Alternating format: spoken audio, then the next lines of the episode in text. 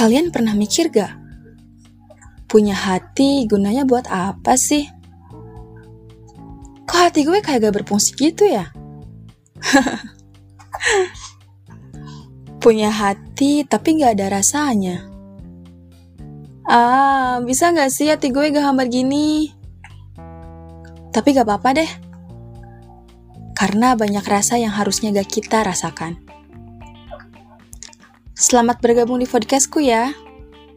Semoga kamu gak bosan dengerin suaraku.